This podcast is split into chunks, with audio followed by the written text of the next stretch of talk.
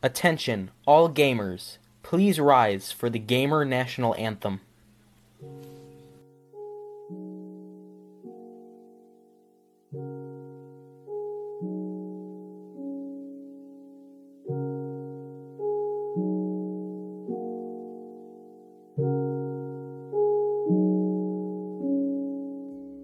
Dzień dobry, chciałbym krótko przedstawić materiał, który zaraz mam nadzieję wysłuchacie. Mianowicie jest to jedna z moich prelekcji, którą wygłosiłem na chaostycznym konwencie o moralności. Więc jakbym rozmawiał z kimś, jakbym czytał niestworzone pytania, no to właśnie to, to była interakcja, że tak powiem, z widzami na żywo. Ale bez zbędnego przedłużania, zapraszam do słuchania. E, rzeczy. No ale najpierw muszę wam dać e, na co się skarżyć, czy może e, na co, zachwalać.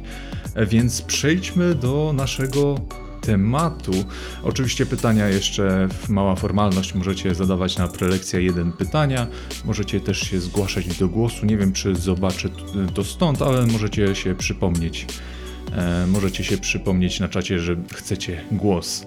A my zaczynamy z moralnością. Moralność o, z nauką moralności i z moralnością e, w grach, jak gry mogą uczyć moralności. Zacznę może przede wszystkim od tego, żeby wyjaśnić, czym moralność jest tak z definicji, bo ostatnio widziałem bardzo dużo dyskusji, szczególnie w kwestii politycznej kilka miesięcy temu, czym jest moralność, czym jest etyka. I ludzie raczej są skłonni do mylenia tych dwóch pojęć i szczerze mówiąc się nie dziwię, bo one są pokrewne. One są bardzo blisko siebie, chociaż są odmienne. Moralność po prostu określa to, co byście zrobili, a czego byście nie zrobili. E, gdybym zapytał prawdopodobnie każdego z Was, czy byście kogoś zabili, odpowiedzieliście by, odpowiedzielibyście, że nie, bo to złe. I tym jest ogółem moralność po prostu takim wyjaśnieniem, systemem, którym możecie powiedzieć nie, to jest złe, tak, to jest dobre, nie, to jest złe i tak dalej. To nie ma za bardzo w sobie głębi, ale pomaga nam po prostu żyć w społeczeństwie. Etyka na, natomiast jest bardziej uformowaną strukturą. To już nie, by był, nie byłoby po prostu e, nie, nie zabiłbym tego człowieka, tylko na przykład e, najłatwiej mi teraz e, podać przykład religijny. Nie, nie zabiłbym tego człowieka, bo każde życie jest dane od Boga i należy szanować jego kreację. I oczywiście jest, są, jest bardzo dużo różnych systemów etycznych, bo na przykład moglibyśmy też podejść ze strony e, humanistycznej.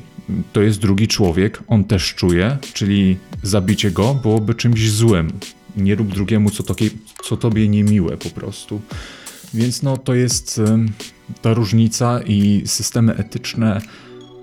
Systemów etycznych możemy się bardziej. Systemy etyczne łatwiej się uczyć jako nauka. To właściwie jest po prostu nauka o moralności, skąd się właśnie bierze. A moralność to jest coś bardziej w nas, coś co wykształcamy w sobie.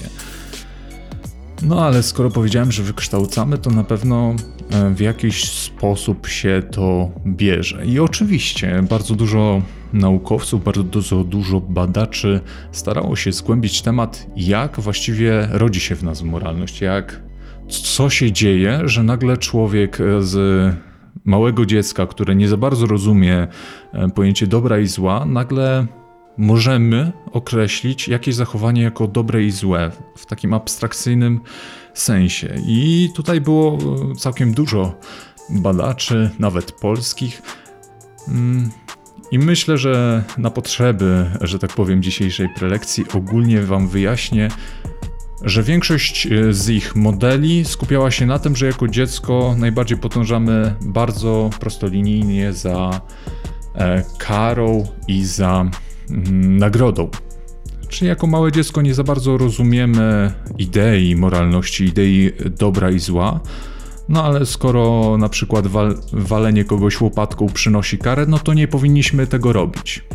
I to jest taka, taki pierwszy etap, w którym adoptujemy pewne systemy, nie rozumiejąc w ogóle o co w nich chodzi, tylko na zasadzie oportunistycznej.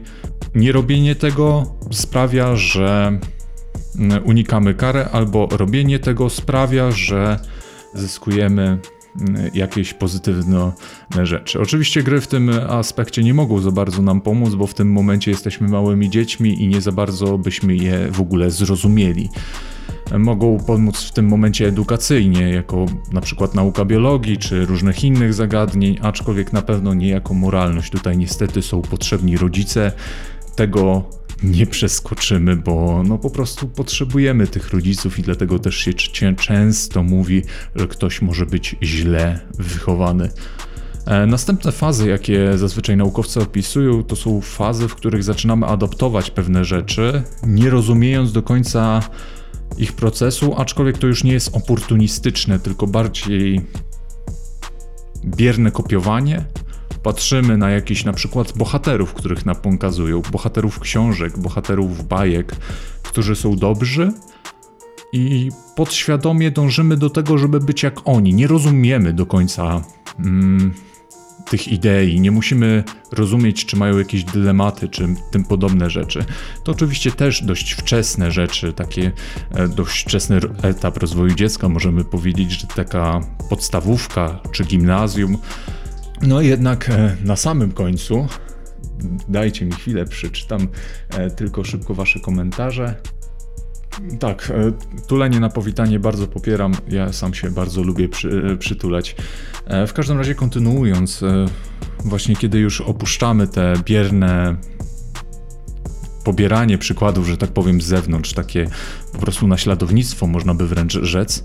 Wchodzimy na ostatnią naszą drogę, że tak powiem, rozwoju moralnego, gdzie już jesteśmy, mamy autonomię moralną.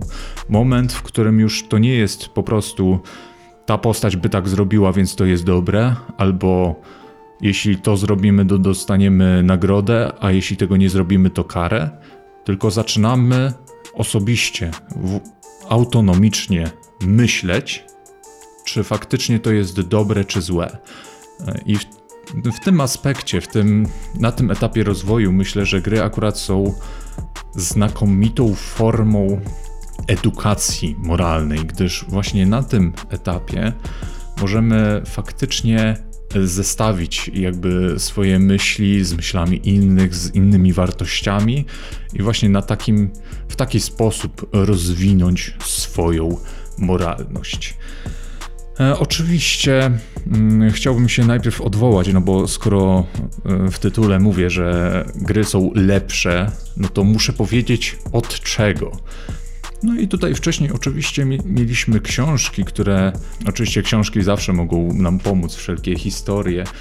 Tak, gry mogą w łatwy sposób i przyjemny dużo przekazać, jednak muszą być dostosowane do wieku, tak samo jak na przykład książki, gdzie na wczesnych etapach mogą dawać proste przykłady prostych bohaterów, którzy będą po prostu wzorcami, a na wyższym e, etapie rozwoju moralności mogą być już bardziej skomplikowanymi postaciami, na przykład e, zbrodnia i kara, która ładnie pokazuje pewne konsekwencje, e, czy choćby bajki, baśnie, które bardzo często zawierają w sobie ideę kary za złe uczynki i nagrody za dobre, które zresztą bardzo czyta, często czyta się dzieciom właśnie w tym celu, żeby powiedzieć to jest dobre, to jest złe.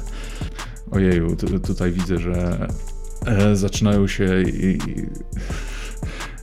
e, ciekawe przykłady z, z literatury. Aczkolwiek do czego dążę? Literatura bardzo dobrze działa w sensie pokazywania przykładów, w sensie pokazywania pewnych problemów egzystencjonalnych.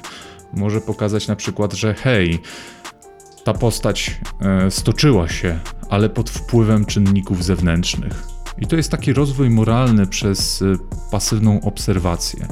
I oczywiście gry w tym aspekcie mogą mm, robić to samo. Gry mogą być dokładnie takim samą, taką samą formą, taką samą formą przekazania historii, bo możemy zrobić grę na temat jakiejś baśni, możemy zrobić grę na podstawie książki i po prostu niczym film przeprowadzić gracza, e, tylko dodając na przykład elementy mechaniczne, które nie muszą wpływać bezpośrednio na fabułę. Zresztą wpływanie mechaniki na fabułę jest, e, nie jest aż tak częste. Najczęściej mamy wybór dialogów, który mechanicznie wpływa na wynik, no ale też wybory dialogów nie pokazują się w każdej grze.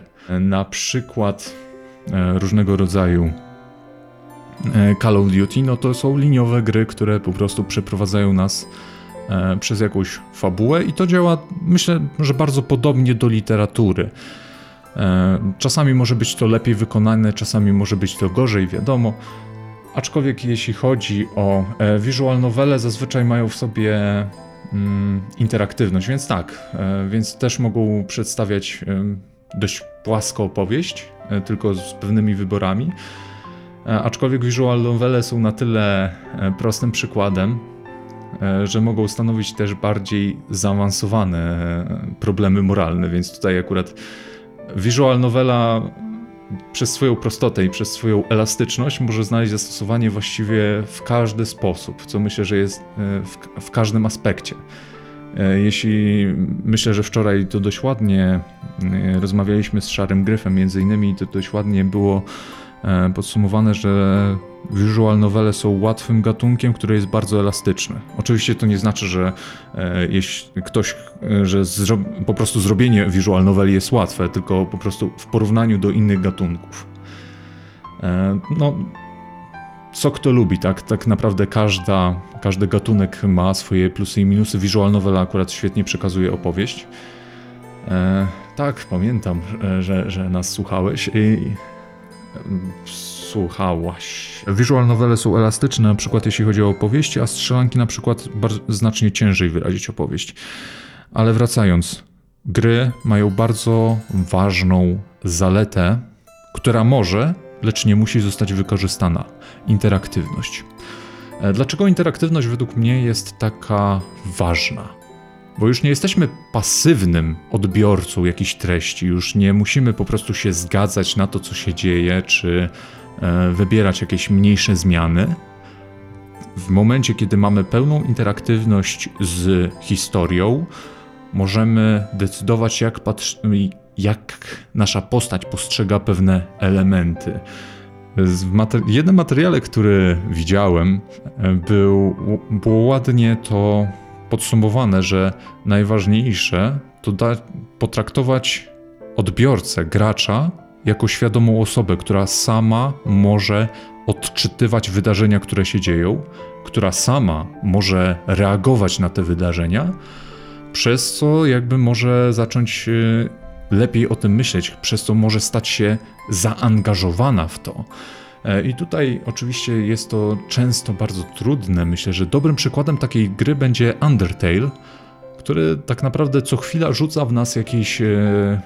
E, Wrzuca w nas wybory, można powiedzieć. Każda walka jest tak naprawdę wyborem między zabiciem, które daje większe zyski mechaniczne, a oszczędzeniem postaci, która daje lepsze lepszą historię. Under, Undertale jest tutaj, myślę, bardzo dobrym przykładem, który też się w pewien sposób bawi z moralnością gracza, no bo przecież w każdej grze się zabija, więc dlaczego akurat tutaj miałbyś tego nie robić?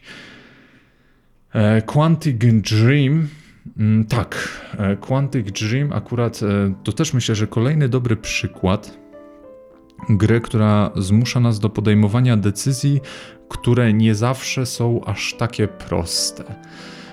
Żeby dać przykład ich ostatniego dzieła Detroit Become Human, myślę, że tam jedna z pierwszych scen, więc to nie jest po, poważny spoiler. E, Jedna z androidek szuka domu razem z dzieckiem, szuka schronienia. I właśnie mamy kilka opcji, między innymi właśnie między innymi kradzież. Kradzież e, pieniędzy, e, żeby znaleźć lepsze schronienie, czy po prostu wdarcie się na posiadłość. Więc takie wybory, można powiedzieć, akademickie są obecne i w momencie, w którym to nie jest takie surowe pytanie, na które możemy dowolnie odpowiedzieć, tylko w momencie, w którym to są postacie, na którym nam zależy, to się całkowicie zmienia. No bo oczywiście, gdybym was teraz zapytał, e, czy e, chcielibyście e, się poświęcić w imię, w imię wyższej idei, to wszyscy moglibyście napisać tak. To nic, wy, nic by was nie kosztowało tak naprawdę. E, W momencie, w kiedy mamy jakieś zaangażowanie, czyli między innymi na przykład emocje, bo lubimy te postacie, mimo że są cyfrowe i chcielibyśmy zobaczyć na ekranie, że im się powodzi, no to odpowiedź na pytanie przestaje być oczywista, bo dołącza do tego pewien trud. I uważam, że dzięki temu gry świetnie uczą nas z moralności, bo normalnie, żeby rozwinąć taką moralność, sami byśmy musieli stanąć naprzeciwko pytania, czy na przykład chcemy ukraść e, leki dla chorej osoby, którą kochamy. No a oczywiście raczej niewielu, niewielu z nas tak naprawdę, niewielu z nas tak naprawdę kiedykolwiek stanie naprzeciwko takiego wyzwania, czego zresztą szczerze ży życzę.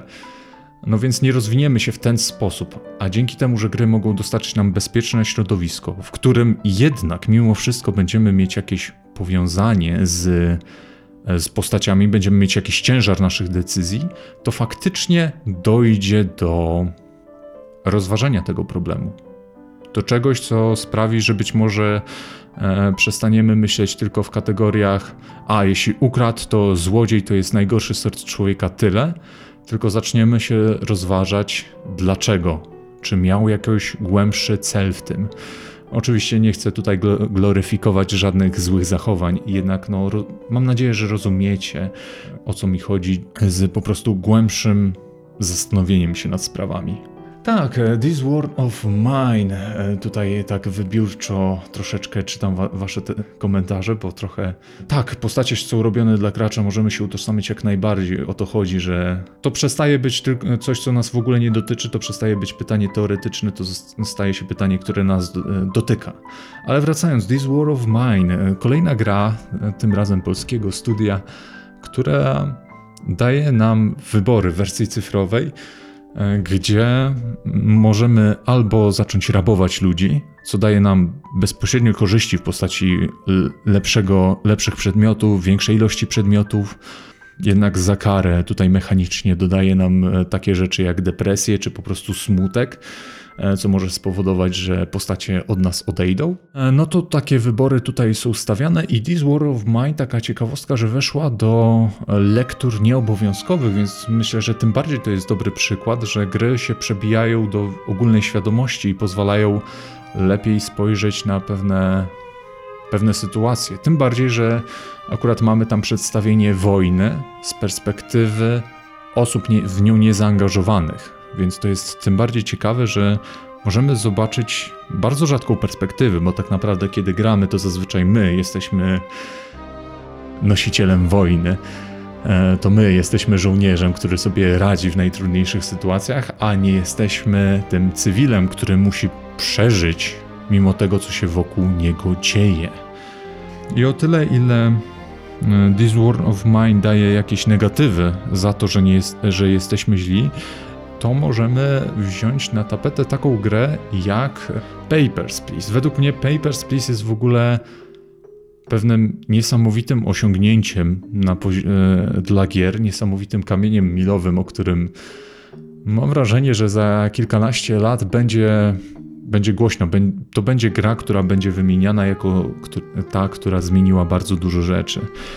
E, bo na przykład od strony mechanicznej mamy najnudniejszą możliwą mechanikę sprawdzanie dokumentów, które myślę, że jest spokojnie, na spokojnie jedną z rzeczy, które wyobrażalibyśmy sobie jako najnudniejszą, a jednak jest w jakiś sposób wciągająca, w jakiś sposób angażująca.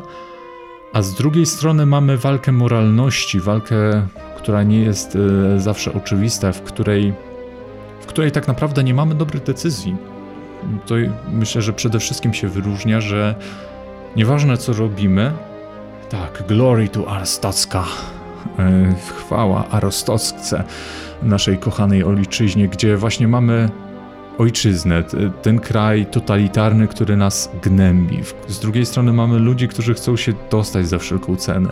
Mamy własną rodzinę, którą musimy się opiekować. Mamy ruch oporu i to wszystko tak jakby zaczyna buzować i bardzo szanuję tę grę za to, że nie ma czarno-białych odpowiedzi. To, tam nie można, myślę, zrobić w niej dobrych albo złych decyzji. Po prostu musimy podjąć decyzję bazując na swojej ograniczonej wiedzy, bazując na tym, na ograniczonych zasobach i w tym momencie musimy wybrać najlepszą według nas drogę. I to jest według mnie najlepsza, Najlepszy przykład moralności, gdzie nie jest tak, że tak naprawdę dostajemy wszystkie informacje, że to jest złodziej, który zrobił to w imię tego i tego, tylko tyle ile ci powie, tyle wiesz i musimy, musimy po prostu decydować. Podobnie było w Dragon Age'u, pierwszej części Origin, gdzie w Królestwie Krasnoludów musieliśmy wybrać następnego króla. Jednak e, dwaj kandydaci byli mocno ze sobą skłóceni i dochodziło tam między innymi do zbrodni. I jeśli nasza postać nie będzie krasnoludem, to tak naprawdę nigdy się nie dowiemy dokładnie, co tam się stało.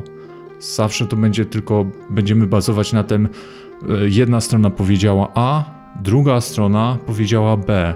I teraz musimy na bazie ograniczonych informacji. Znaczy tak, moralność też jest ważna, aczkolwiek no.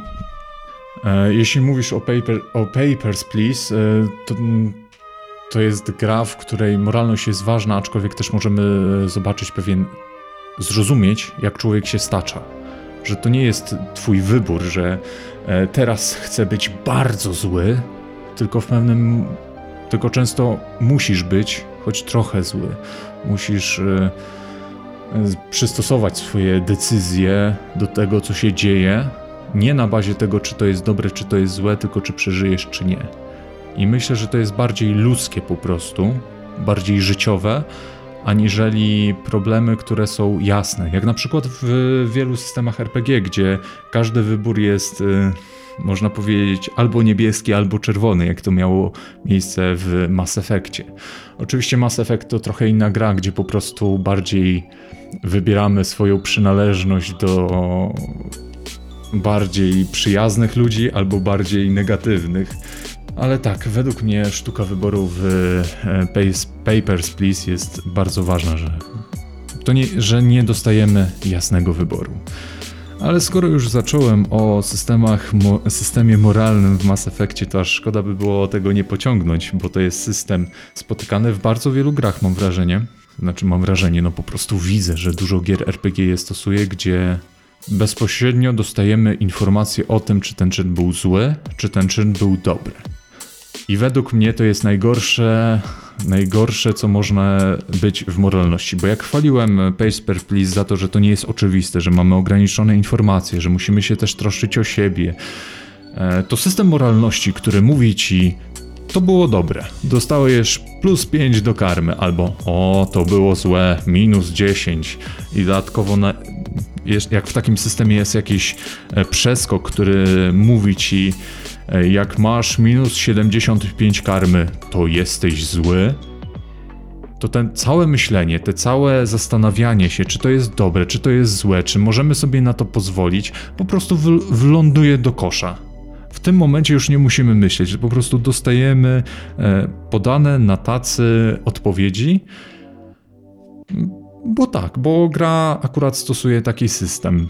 Znaczy, według mnie gry są lepsze w konfrontowaniu gracza z takimi e, wyborami.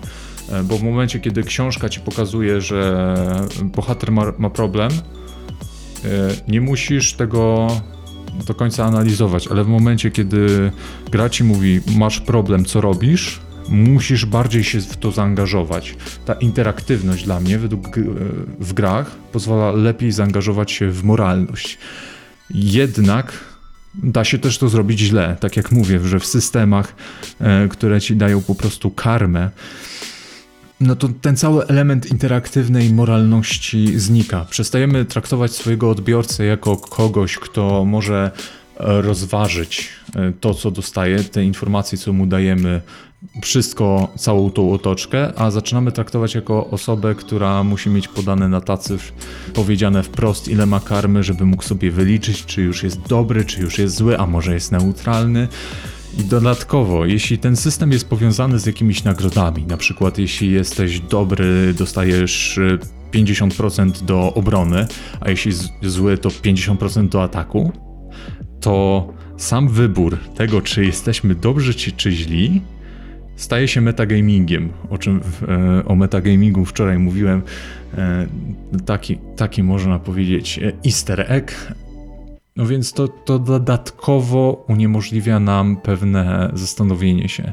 Więc myślę, że akurat z, Myślę, że systemy moralności w grach, mimo swojej nazwy, są najgorszą możliwą najgorszą możliwą mechaniką do wprowadzenia w grach, w których powinien być jakikolwiek wybór. W momencie, w którym te systemy nie istnieją, na przykład e, w Pay, e, muszę na chwilę przerwać, bo zobaczyłem nazwę Wiedźmin 3. Taka ciekawostka, bardzo nie lubię Wiedźmina trzeciego. To myślę. Ojej, już dwie osoby zaczynają pisać, czy może trzy nawet. E, widzę, że tutaj wszyscy, wszyscy nie lubią Wiedźmina trzeciego i zaraz się posypią gratulacje za to. Według mnie szczytowym osiągnięciem CD Projekt Red e, był Wiedźmin 2 i jeśli chodzi o to, o system moralności, w Wiedźminie drugim, to akurat w Wiedźminie drugim jest to zrobione znaczy system wyborów, nie możemy tutaj już powiedzieć o, o, systemie moralności, bo nie ma jakiegoś takiego systemu moralności, który powie pod koniec gry Geralt jest dobry albo Geralt jest zły. To muszę akurat powiedzieć, że to było bardzo fajnie zrobione. Według mnie Wiedźmin 2 jest genialnie zrobioną grą. I przez, e, przez to, że jest krótszy i za, e, w porównaniu na przykład do Wiedźmina trzeciego czy pierwszego, E, twórcy mogli zdecydować się na dość odważny ruch, mianowicie drugi akt historii rozgrywa się całkowicie inaczej, w zależności od wyboru, którym, e, który zrobiliśmy w pierwszym, co jest w pewien sposób naprawdę imponujące.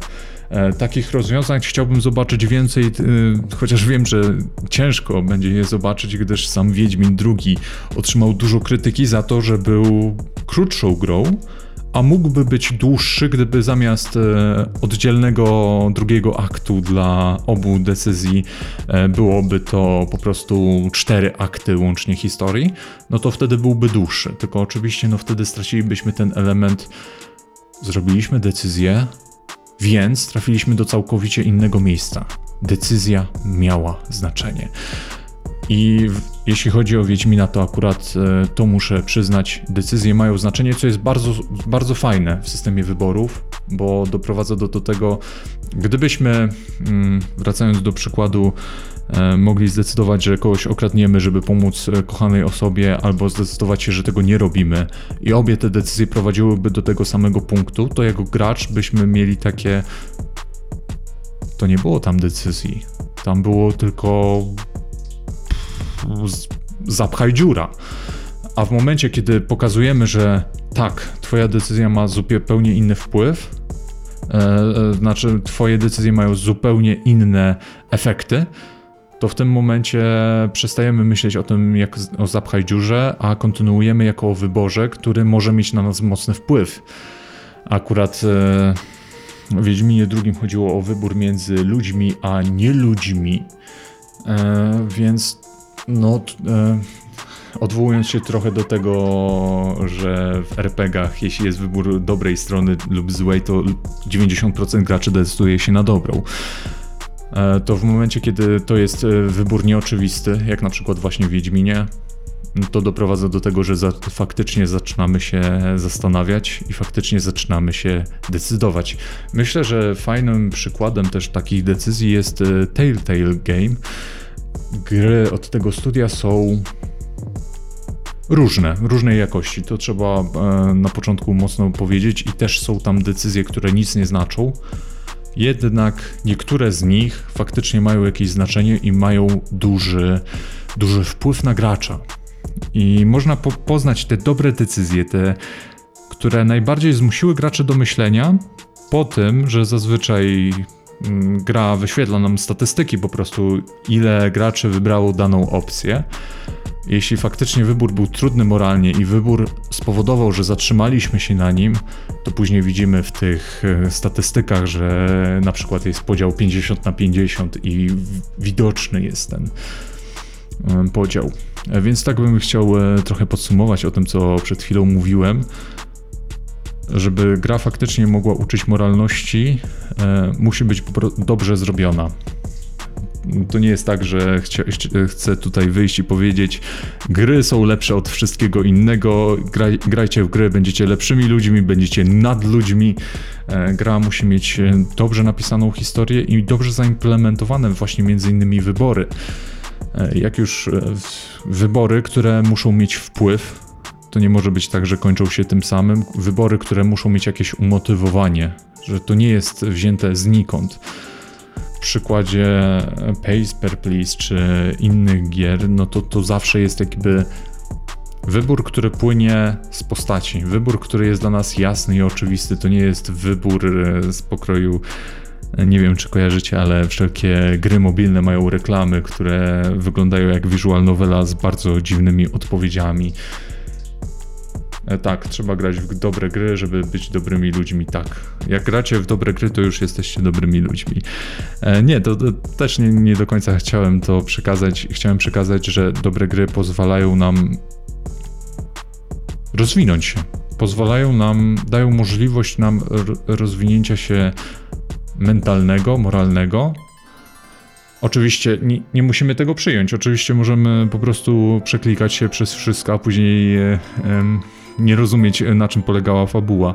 Jednak myślę, że w momencie, kiedy zastosujemy to jako narzędzie edukacyjne, na przykład do nauki moralności, tak jak jest wprowadzona lektura nieobowiązkowa The Last of Us, to w tym momencie możemy naprawdę pozytywnie E, wpłynąć, rozwinąć ją emocjonalnie. Ja do dzisiaj pamiętam, jak grając w Mass Effecta pierwszego, e, tutaj trochę większy spoiler, więc jak ktoś by chciał jeszcze ogrywać, no to proszę zasłonić uszy.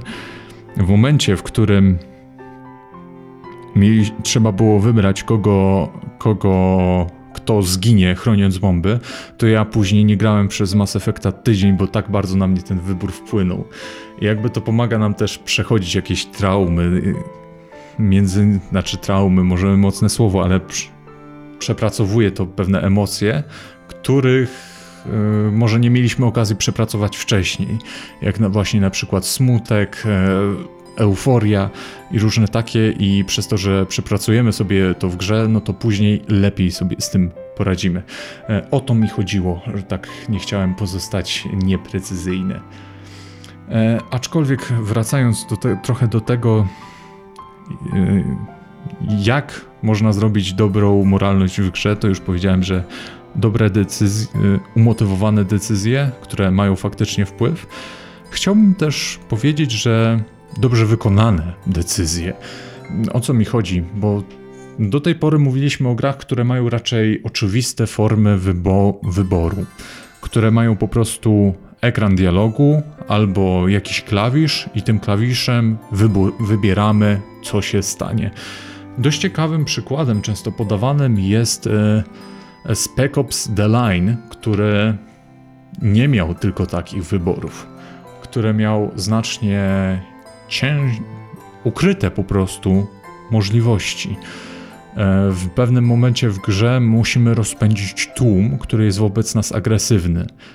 W momencie, w którym dostajemy to zadanie, mamy celownik bezpośrednio na tłumie, więc bardzo oczywistym wydaje się, jako że jest to strzelanka, jest po prostu do nich strzelić. Jednak, jeśli nie zdecydujemy się tego zrobić, a zamiast tego strzelimy w niebo, tłum i tak się rozpierzchnie. To jest bardzo ciekawy ciekawy motyw, gdyż podejmujemy decyzję w momencie, w którym nie do końca mamy drogowskazy, co należy zrobić. I to jest kolejny taki krok w stronę ulutrzania po prostu tych decyzji. To nie jest tak, że w normalnym życiu dostaniemy e, opcję 1, opcję 2 i teraz musimy wybrać. Po prostu staniemy naprzeciwko sytuacji, i będziemy musieli jakoś zareagować. Mogę tutaj dywagować, że y, cudowna by była sytuacja rodem z Black Mirror, gdzie gra jest połączeniem gry cyfrowej i gry papierowej, gdzie po prostu możemy płynnie opisywać, y, płynnie definiować, co robi nasza postać, y, dzięki czemu byśmy pozbyli się elementów takich odciągających nas trochę od imersji e, i po prostu pozwoliłoby zobaczyć nam to, jak reagujemy w różnych sytuacjach. I to by było już naprawdę niesamowite narzędzie, e, które oczywiście raczej szybko się nie pojawi, no bo nawet VR ma bardzo dużo ograniczeń teraz, a co dopiero mówić o takiej technologii. Ale myślę, że to jest bardzo ważny element, który by mógł bardzo dobrze wpłynąć właśnie na, to, na tą moralną stronę. Gdyby gry osiągnęły taki poziom, mogłyby być już nazywane już by nie były nazywane grami, już by były nazywane czymś inaczej. Jednak na pewno byłyby świetnym narzędziem do pewnego badania ludzi, na przykład wyszukiwania, czy ktoś jest psychopatą, czy ktoś jest bardziej dobry e, i różne takie sytuacje. E, Nie sądziłem, że się aż tak nagadam. 10 ludzi słucha w ogóle. Bardzo dziękuję, że e, jesteście. Jeśli macie jakiekolwiek pytania, zachęcam do zadawania na prelekcja 1 pytania. Teraz mi wybaczycie, ale muszę wziąć kilka oddechów. Dobra, dobra, już się trochę. E, No, oddychałem. E, Widzę, że e, skorzystaliście z mojej zachęty i już piszecie. Może teraz przejdę od czego, do czegoś, co, od czego być może powinienem zacząć, czyli w ogóle dlaczego? Dlaczego rozwijać w sobie moralność? Myślę, że to jest trochę cięższe pytanie niż mogłoby się zdawać, bo niesie ze sobą dość dużo ładunku psychologicznego, filozoficznego. E, Myślę, że przede wszystkim moralność powinniśmy rozwijać zarówno u siebie, jak i u, e, u innych, u dzieci, traktować bardzo, e, bardzo poważnie w edukacji, gdyż moralność pozwala nam zachowywać się lepiej w społeczeństwie. E, Też rozwinięcie tego, można powiedzieć, instynktu pozwala lepiej dogadywać, myślę się, że z człowiekiem, e, bo teraz widzimy na scenie politycznej bardzo dużo kłótni. Dobry rabin, pozwolę sobie za chwilę przeczytać Twoje pytanie, e, dokończę, że tak powiem, swoją myśl. E, Bardzo często widzimy kłótnie, które mogłyby się bardzo prosto skończyć, e, gdyby ludzie po prostu na chwilę by się zastanowili, co ta druga strona sobie myśli. Myślę, że rozwijanie w sobie moralności jest niemalże równoznaczne z rozwijaniem u siebie pewnej empatii. E, Czy według Ciebie narzucić w grze pewną podstawę moralną albo jej brak, aby gracz mógł ją poznać i zrozumieć, czy lepiej, żeby gracz sam mógł ją kreować przez swoje decyzje i relacje z postaciami niezależnymi?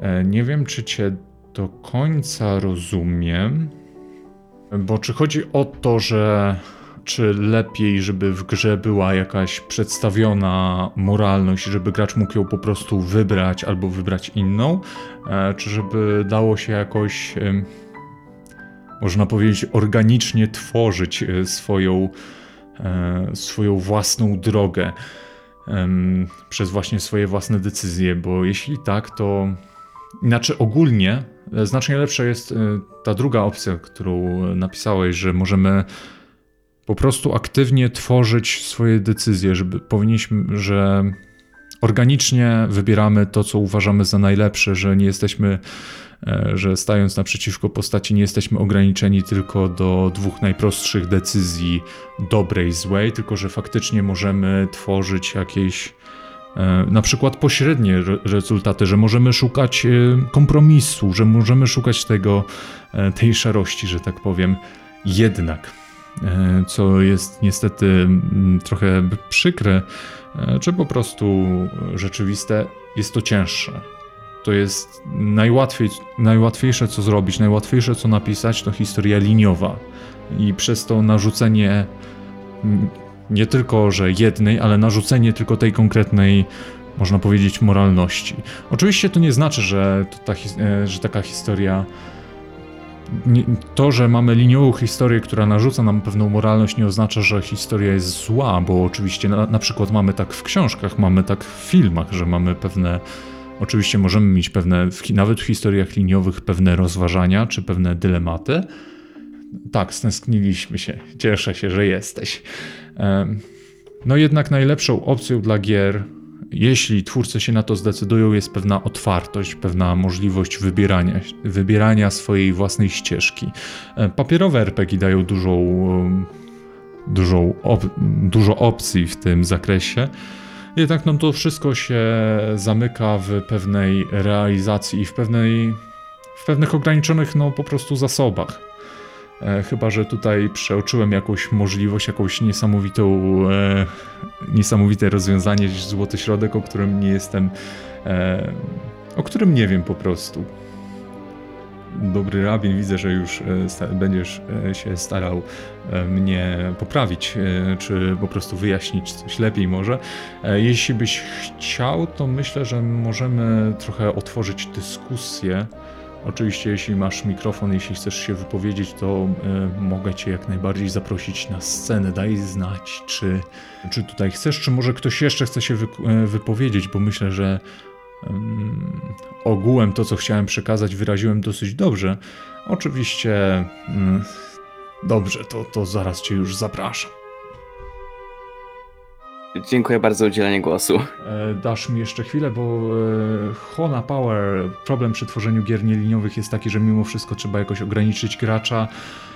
E, tak, w ogóle pisanie gier nieliniowych jest bardziej skomplikowane niż pisanie gier liniowych, bo musimy dać mu jakieś opcje i dodatkowo musimy napisać coś, co pewna część graczy nie zobaczy, bo jeśli e, dobre wybory wybiera 90% graczy, a złe 10%, to jeśli postaramy się przy tych 10%, no to trochę to nie będzie optymalne, jeśli chodzi o nasze zasoby e, finansowe. E, więc taka, e, taka uwaga. A już proszę, dobry rabin, jakbyś mógł. To jeszcze raz dziękuję bardzo za użyczenie głosu. Jeszcze odnosząc się właśnie do mojego pierwotnego pytania, mm, to zgadzam się z y, Twoją opinią, że rzeczywiście jakby dawanie graczowi możliwości jakby rozwijania siebie i swojej moralnej postawy w świecie, y, w grze jest tutaj naprawdę świetne, ponieważ jakby to pozwala jemu jakby się wyrazić w pewien sposób i pozwala mu wpływać w ten świat, Aczkolwiek wydaje mi się, że trochę w grach jest to właśnie docenione, że można wejść w czyjeś but, na przykład y, postaci, która poszukuje przebaczenia albo poszukuje właśnie rozgrzeszenia. Jakby jeżeli, wydaje mi się osobiście, że gdyby trochę nas częściej właśnie na siłę może trochę wciskać, ale wciskać mimo wszystko w y, rolę właśnie postaci, które mają trochę inną moralność od naszej, wydaje mi się, że to byłoby też bardzo nas ciekawe doświadczenie dla nas jako społeczności graczy i trochę żałuję osobiście, że że to częściej nie jest właśnie praktykowane wśród twórców gier. Czy ty może uważasz, że to, że, że to jest jakby, podzielasz moje zdanie, że to jest za, za rzadko czasami jest taka możliwość jakby dawana graczom, że mają pewną już rolę, którą muszą odegrać. Czy jeszcze, przepraszam jeszcze, przepraszam, jeżeli moje pytanie było chaotyczne, tak, bo trochę zdenerwuję takim, się. Jeśli było chaotyczne, pasuje do konwentu, więc yy, zapraszam, że tak powiem, serdecznie. Wyobraziłem sobie growego Jokera w tym momencie, czyli postać, którą, która byłaby zła, która obiektywnie byłaby zła, jednak którą byśmy po prostu rozumieli. E, I myślę, że akurat takie postacie e, w grach faktycznie pojawiają się raczej rzadko. Jeśli spotykamy się złymi w grach, to raczej jest to przerysowane zło. E, przychodzi mi te, teraz do głowy Dungeon Keeper, Overlord, y, no to obie gry, które miały po prostu kreskówkowych złoli, można by wręcz powiedzieć. To nie było. To nie były postacie, które byłyby głębokie emocjonalnie, to nie byłoby aż tak angażujące, myślę, jeśli chodzi o samą historię postaci. A faktycznie taki, jak to nazwałem, growy Joker mógłby bardzo mocno wpłynąć na graczy, więc tak, ogółem się zgadzam, jak najbardziej. Postacie złe, które byłyby dobrze napisane, raczej jest ich mało w grach. E, jeśli ktoś sobie przy, przypomina, to zachęcam do napisania w, na czacie. Myślę, że na, najbliżej dobrej, złej postaci to były postacie, które były nie tyle złe, co były takie dziarskie, takie, takie tacy łotrzykowie, że tak powiem, jak na przykład właśnie w serii Mass Effect, to Shepard, kiedy wybierał tą złą opcję, był e, właśnie takim bardziej twardym, e, twardym człowiekiem, który był bardziej skłonny uderzyć swojego rozmówcę niż z nim gadać, jednak to nie była stricte zła postać. Dobry rabinie, jak coś złapnie za łapkę, jak się stresujesz, e, więc no tutaj mam nadzieję, że się nie stresujesz. E, chyba, że się stresujesz, to możesz łapać za łapkę. E, czy odpowiedziałem w ogóle na twoje pytanie, bo tak nie wiem, czy się z kolei ja nie zamotałem. Nie, nie, nie, nie, bo naprawdę bardzo dziękuję za merytoryczną odpowiedź. Czy mógłbym zadać jeszcze jedno pytanie? Ależ proszę. chciałem cię jeszcze zapytać o, może powiedzieć, pozorność konsekwencji w niektórych grach. Na przykład we wspomnianej przez ciebie wcześniej y, serii gier y, od Studia Telltale, na przykład właśnie The Walking Dead, to mimo, że moralność tam jest i występuje, to jednak ona często ma pozorne konsekwencje. Często po prostu się to objawia w tym, że postać się pojawi na chwilę, albo zniknie, lub po prostu w zmienionej kwestii dialogowej. I jakby nie sądzisz, że właśnie taka trochę pozorność tych wyborów moralnych zabiera jakby tą całą otoczkę y, rzeczywiście takiej wagi naszych decyzji w grach. Tak, tak, jak najbardziej. Decyzje bez znaczenia. To, co powiedziałem, decyzja powinna mieć znaczenie. Oczywiście to nie jest zły zabieg, żeby dawać decyzje, które nie mają znaczenia, bo na przykład możemy dzięki nim em, narracyjnie pokazać, że jesteś teraz, teraz bezsilny, bo nieważne, czy chciałeś walczyć, czy nie, jakaś postać cię pokonała. E, Jednak w, grze, w grach Telltale to akurat mnie bardzo, bardzo denerwuje. Zresztą myślę, że wielu graczy, skoro nawet powstał z tego mem, że ta postać to zapamięta, który miał nam powiedzieć, że hej, ta decyzja będzie miała znaczenie, kiedy tak naprawdę to była tylko taka wydmuszka. Myślę, że to jest trochę mm, zabieg marketingowy. E, Zabieg łama, zabieg marketingowy łamany na zabieg psychologiczny, żeby przekonać gracza, e, że tak naprawdę jest więcej niż jest naprawdę, żeby stworzyć iluzję lepszej gry. I system kar tutaj widzę, że Ariel napisał e, o tym, że gra nie była efektywna e, w uczeniu kodeksu ruchu drogowego, bo nie miała kar. E, System kar jest specyficzny. E, W sensie bardzo, myślę, że bardzo dobrymi grami, które e, są takie, które mimo wszystko za dobre decyzje każą gracza mechanicznie, bo złe byłyby lepsze, jednak mimo wszystko gracz chce być dobry. E, Co też jest jakąś taką metaforą, że bycie dobrym czasami oznacza większy nakład pracy, większy trud przy zdobywaniu tej, można powiedzieć, dobroci że czasami wytrwanie przy swoich ideach jest ciężkie. Ale gry edukacyjne mm, ogółem są bardzo, bardzo ciężkim tematem, które w Polsce pojawił się bardzo późno i myślę, że przez to też nie zdobył aż takiej rangi. E, Bo na przykład w Ameryce gry edukacyjne to naprawdę jest bardzo szeroki temat. Są e, całe serie gier, które czasami są śmieszne, czasami są nawet ciekawe. Ogółem najbardziej mi się podobały gry edukacyjne, które skupiały się na jakimś przedmiocie. Pamiętam, że na przykład e, płytę od podręcznika do biologii naprawdę mi bardzo pomogła, bo powtarzanie tych samych odpowiedzi e, przy jakiejś prostej mechanice spowodowało, że się nauczyłem. Taki system. Mm, system powtarzania sobie jakichś informacji, żeby się nauczyć, jest dość popularny, a przy okazji, jeśli się je połączy z jakimś właśnie prostą mechaniką, żeby odciążyć trochę umysł, to było to całkiem efektywne.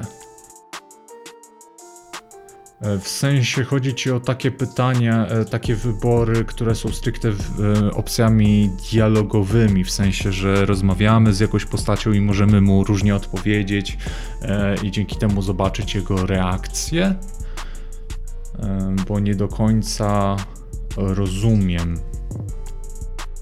Tak, w takim razie nie no, przy, przy takich e, rzeczach, znaczy według mnie powinno być jakieś na przykład e, akcept, e, zauważenie e, tego, że była jakaś rozmowa, na przykład e, jeden, jednym z bardzo poważnych zarzutów, jaki słyszałem wobec Cyberpunka, e, to było to, że nawet jeśli poznaliśmy jedną postać znacznie bliżej, jeśli była nam bardzo bliska, to w ostatnich scenach nie było zmiany jej zachowania, nie było żadnego dialogu, żeby zaznaczyć, że hej, byłeś z tą postacią blisko. Więc myślę, że jeśli daliśmy. Daliśmy postaci, e, daliśmy możliwość rozmawiania z jakąś pozna- z postacią, wybrania jakichś opcji dialogowych, to fajnie by było, żeby chociaż e, jakoś zareagowała na to później. Oczywiście to nie muszą być duże zmiany, to może być nawet e, pojedyncza linia dialogowa, która zauważy to i to wypunktuje. Y, Mógłbym na chwilę wejść w zdanie? Oczywiście. Y, Ja tu właśnie chciałem się z Tobą zgodzić, że rzeczywiście właśnie brakuje często takich nawet małych rzeczy, które by podkreśliły to, że podjęliśmy kiedyś jakąś decyzję lub zmieniliśmy naszą relację z postacią. Jeszcze właśnie wracając do The Walking Dead em, sezonu pierwszego, to kiedy mieliśmy chyba podajże w trzecim epizodzie móc y, powiedzieć komuś o naszej przyszłości jako Lieveret, w sensie, że byliśmy na drodze do więzienia, kiedy nie decydowaliśmy się na przykład powiedzieć Kenemu o tym, że y, no, popełniliśmy przestępstwo wcześniej, to on jedynie zmienia się dosłownie jedna linijka wtedy, kiedy trzeba wyrzucić Lili ze y, zwana. I właśnie to jest troszeczkę takie, yy, można powiedzieć, wybijające z, z imersji w świat przedstawiony, ponieważ właśnie, mm, ja się zgodzę oczywiście z Axchan, że rzeczywiście są potrzebne takie miejsca, żeby po prostu móc jak najszerzej i jak najwięcej postaci poznać, jednakże no też trochę szkoda na przykład Ken nie mógłby później być trochę bardziej chłodny do stosunku, albo mieć problemy z, z mm, zaufaniem nam. Jedynie no właśnie szkoda, że mm, czasami te decyzje, one właśnie, tak jak wcześniej mówiłem, nie mają takiego większego efektu i to jest właśnie tak, taka rzecz, która powiedziałbym właśnie wybija z tej imersji. Tak, e, decyzję bez efektu nie tylko wybiera z, z imersji, ale usuwa ten właśnie czynnik edukacji moralnej, o której w końcu jest temat. E, Więc według e, to powtórzę to, że żeby gra miała faktycznie dobry moralny efekt, to musi być dobrze zrobiona, jeśli chodzi o decyzję, o, jeśli chodzi o wszystko. Ale po, powstał tutaj na, widzę na czacie bardzo ciężkie, bardzo ciężki temat Simsy. E, Był Wiedźmin 3, no to teraz czas na Sims. Te dwie gry po prostu muszą się pojawić. Jestem trochę zastrzelony tym pytaniem. W tym momencie naprawdę nie wiem, e, czy powinniśmy łączyć trochę te Simsy z e, jakąkolwiek moralnością, gdyż to jest jakby jakaś piaskownica, to że na przykład e, nie każda gra musi być e, nauką moralności. Czasami możemy sobie po prostu, nie wiem, e, postrzelać do przeciwników Call of Duty, bo to jest zabawne. To nie jest tak, że musimy z, każdego tytułu czerpać naukę i według mnie trochę Simsy są właśnie taką mm, taką rzeczą, tym bardziej, że jeśli mówimy o topieniu Simsów, to raczej nie mówimy o postaciach, do których jesteśmy jakkolwiek przywiązani. E, Więc tym bardziej tutaj nie ma jakiejkolwiek wagi, jeśli chodzi o nasz wybór, jeśli chodzi o nasze przywiązanie, naszą moralność, naszą etykę, czy jakkolwiek inne wyrażenie, które można tu wstawić. Ojej, widzę, że tutaj zaczynacie. E, już wcześniej się pojawił ten temat, tylko go e, przegapiłem, że to jest bardzo. em, że Simsy są przykładem zabawy w Boga i w ogóle. E, Zaraz się okaże, że Simsy to jest e, miejsce kultu szatanistów czy coś jeszcze, a ja o tym nie wiedziałem po prostu. Tak, trochę to jest. E, e, zgadzam się, że to nie jest tak, że musimy z każdej. E, że no gracz ma jakiś cel siadając do tytułu i to nie musi zawsze być jakiś szczytny cel, tylko po prostu to może być dobra zabawa. No też nie przy... Najważniejsze według mnie, jeśli chodzi o docenianie gier właśnie w aspekcie edukacyjnym, w aspekcie rozwoju emocjonalnego, moralności, to jest zarówno ich nie, nie, nie doceniać, żeby akceptować, że mogą faktycznie pełnić taką funkcję, jak i ich nie, nie przewyższać. To nie jest tak, że e, gra zamieni jakiegoś skazańca nagle w miłego pana, który, który będzie przeprowadzał staruszki przez jezdnię. Ale widzę, że powoli e, zbliża się 16.30. O nie, już właśnie wybiła 16.30, więc jakby ktoś chciał jakieś ostatnie pytanie, ostatnie słowo, e, to proszę szybko, bo, bo, bo pewnie zaraz zjawi się oddział uzbrojony w moim domu, jeśli nie skończę czasie, więc. FBI? O nie, gorzej. Policja chaotycz- chaostycznego konwentu. Oni są znacznie gorsi. FBI zgubisz, a ich to. to nie. No ale dobra. O, bardzo dziękuję. Z- Jeszcze raz zapraszam na e, kanał na YouTubie, na e, podcast na Spotify. Tego co pamiętam, to jest nadal wysoko na kanale moje reklamy wylinkowane, w razie czego sztuka 01. Bardzo dziękuję e, wszystkim, którzy się tutaj pojawili. E, Bardzo e, dziękuję wszystkim, którzy cokolwiek napisali. No i oczywiście bardzo dziękuję też Tobie, dobry rabinie, że odważyłeś się wyjść i tak przed dziewiątką ludzi powiedzieć co swoje pytania. Nie, to po prostu, że wydaje mi się, że też w imieniu nas wszystkich też dziękujemy bardzo za tą prelekcję, bardzo ciekawie to prowadziłeś i na pewno nie, nie wszyscy zobaczymy ten e, kanał w przyszłości, więc jeszcze raz dziękujemy bardzo.